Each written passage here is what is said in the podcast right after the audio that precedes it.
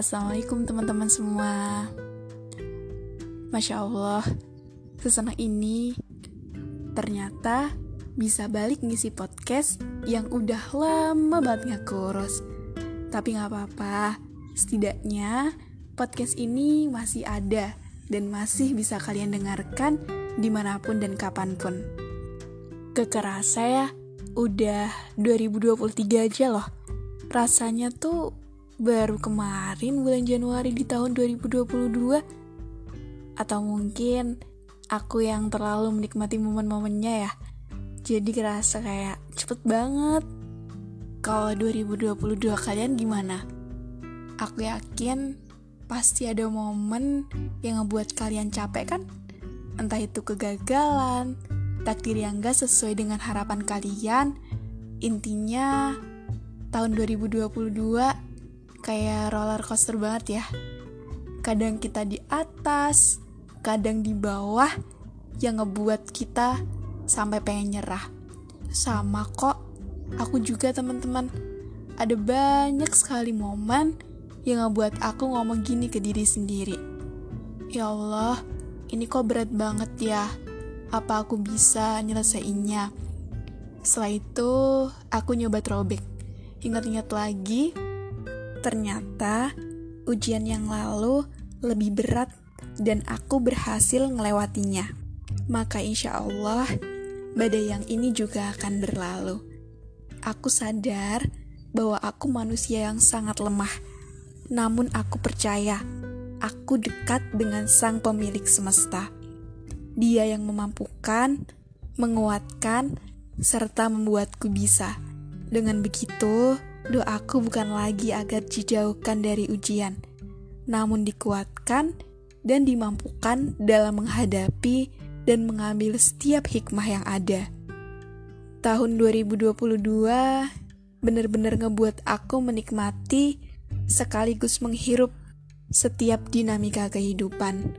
Bertemu dengan orang-orang baru, mendengarkan cerita hebat mereka, ada di titik yang dulu menjadi doaku serta hal lain yang membuatku semakin bersyukur.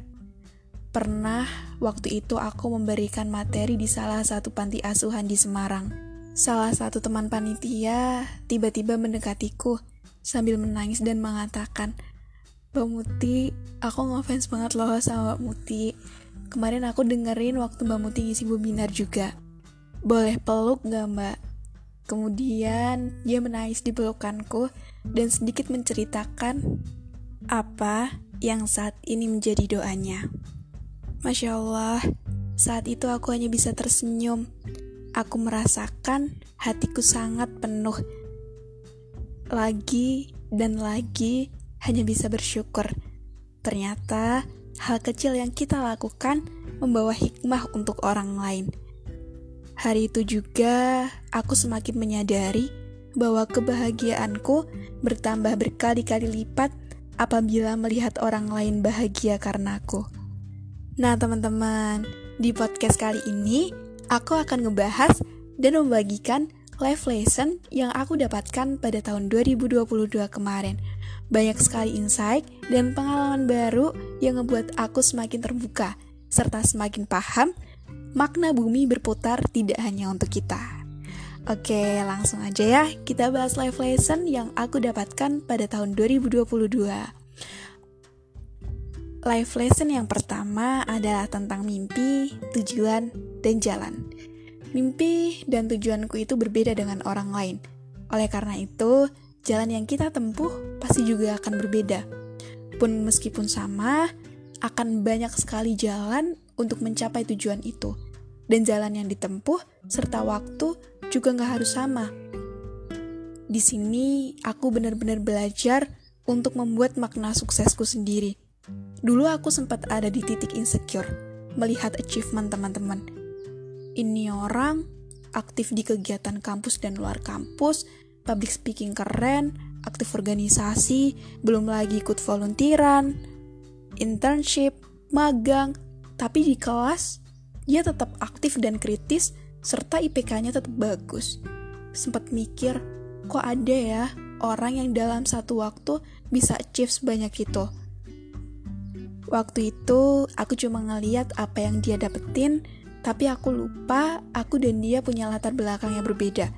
Aku juga punya tanggung jawab lain yang otomatis waktu yang aku punya juga bakalan kepake untuk hal itu. Jadi kenapa harus sama? Di sini aku semakin belajar untuk pelan-pelan fokus dengan hope dan purpose yang aku miliki serta planning yang udah aku rancang. Hari ini, esok, dan seterusnya, prioritasku adalah pengembangan diriku. Kemudian, life lesson yang kedua nih, buat teman-teman yang takut memulai karena nunggu sempurna atau tim perfeksionis. Dulu aku gitu banget teman-teman, selalu ragu dan selalu nunggu harus punya ini dulu, punya itu dulu, pokoknya harus nunggu sempurna dulu deh buat mau mulai. Tapi di sini aku bener-bener belajar bahwa aku nggak harus nunggu sempurna terlebih dahulu loh buat mulai sesuatu. Nggak harus menjadi hebat dulu baru mau mulai. Apalagi nunggu termotivasi dulu karena yang harus aku lakukan adalah tetap berusaha sebagai bentuk disiplin diri. Gak apa-apa mulai dari hal kecil dulu. Toh sesuatu yang besar terbangun dari ribuan hal kecil yang terkadang tidak banyak orang menyadarinya. Seperti halnya saat ini, aku rasa sayang sekali jika ilmu yang aku punya berhenti di aku aja. Kalau bisa aku bagiin mulai dari sekarang, kenapa harus nunggu aku punya gelar dulu? Nih teman-teman, aku dapat satu quotes bagus banget dari salah satu postingannya Mas Fatur. Isi quotes itu adalah, terkadang keberhasilan itu bukan berawal dari mengetahui apa yang harus dilakukan, melainkan dimulai dengan melakukan apa yang sudah diketahui. Melainkan dimulai dengan melakukan apa yang sudah diketahui. Mau ribuan buku self-development yang dibaca, ratusan webinar yang diikutin, mentoring sama orang paling sukses di dunia. Jika hanya belajar saja tanpa diikuti action, ya semua bakalan sia-sia. Nah, jangan sampai kita menjadi orang yang hanya senang belajar tapi nihil di aksi. Ilmu yang kita dapatkan hanya menjadi hiasan untuk terlihat dan merasa paling pintar.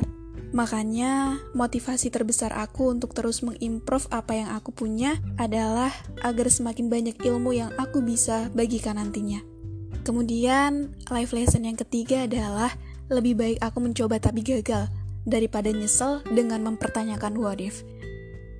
Nah, kalau bukan kita sendiri yang membangun mindset positif, lalu siapa lagi? Aku pernah memiliki mimpi yang menurut orang itu adalah hal yang terlalu besar tapi aku memberikan kesempatan untuk diri aku sendiri mencoba.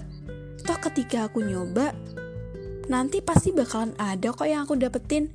Pelajaran dan hikmah ketika berproses, terkadang justru itu yang mendewasakan kita. Kalau aku ragu, pasti aku ngomong gini ke diri sendiri.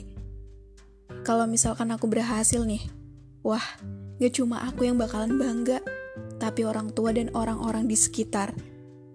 Nah, kalau misalkan gagal, aku masih muda dan masih punya waktu serta kesempatan lain untuk mencoba. Kegagalan ini juga bisa untuk modal aku nyoba lagi next time. Dan aku udah bangga sama diri aku karena satu level di atas mereka yang gak mau nyoba. Intinya teman-teman, bangun internalnya dulu, nanti eksternalnya bakalan nyusul. Life lesson yang keempat adalah aku gak ragu untuk menciptakan boundariesku sendiri aku punya hak untuk memilih siapa-siapa saja yang berhak ada di lingkaran terdekatku. Hal itu bukan berarti aku memilih-milih teman. Aku tetap berteman dengan siapa saja, namun untuk dekat, aku tetap harus memfilternya. Sedikit teman gak apa, yang penting aku tetap ada di lingkungan yang positif dan mendukung.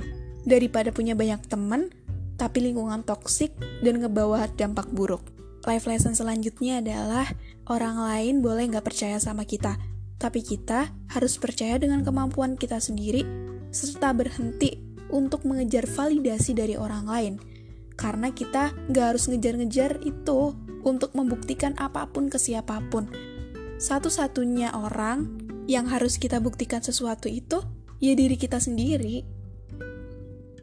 Nih, life lesson terakhir, yaitu aku kira orang yang keren itu orang yang hebat itu dia yang bisa memotivasi orang lain, public speakingnya bagus, ngisi materi sana-sini. Intinya, dia yang berkontribusi di atas panggung.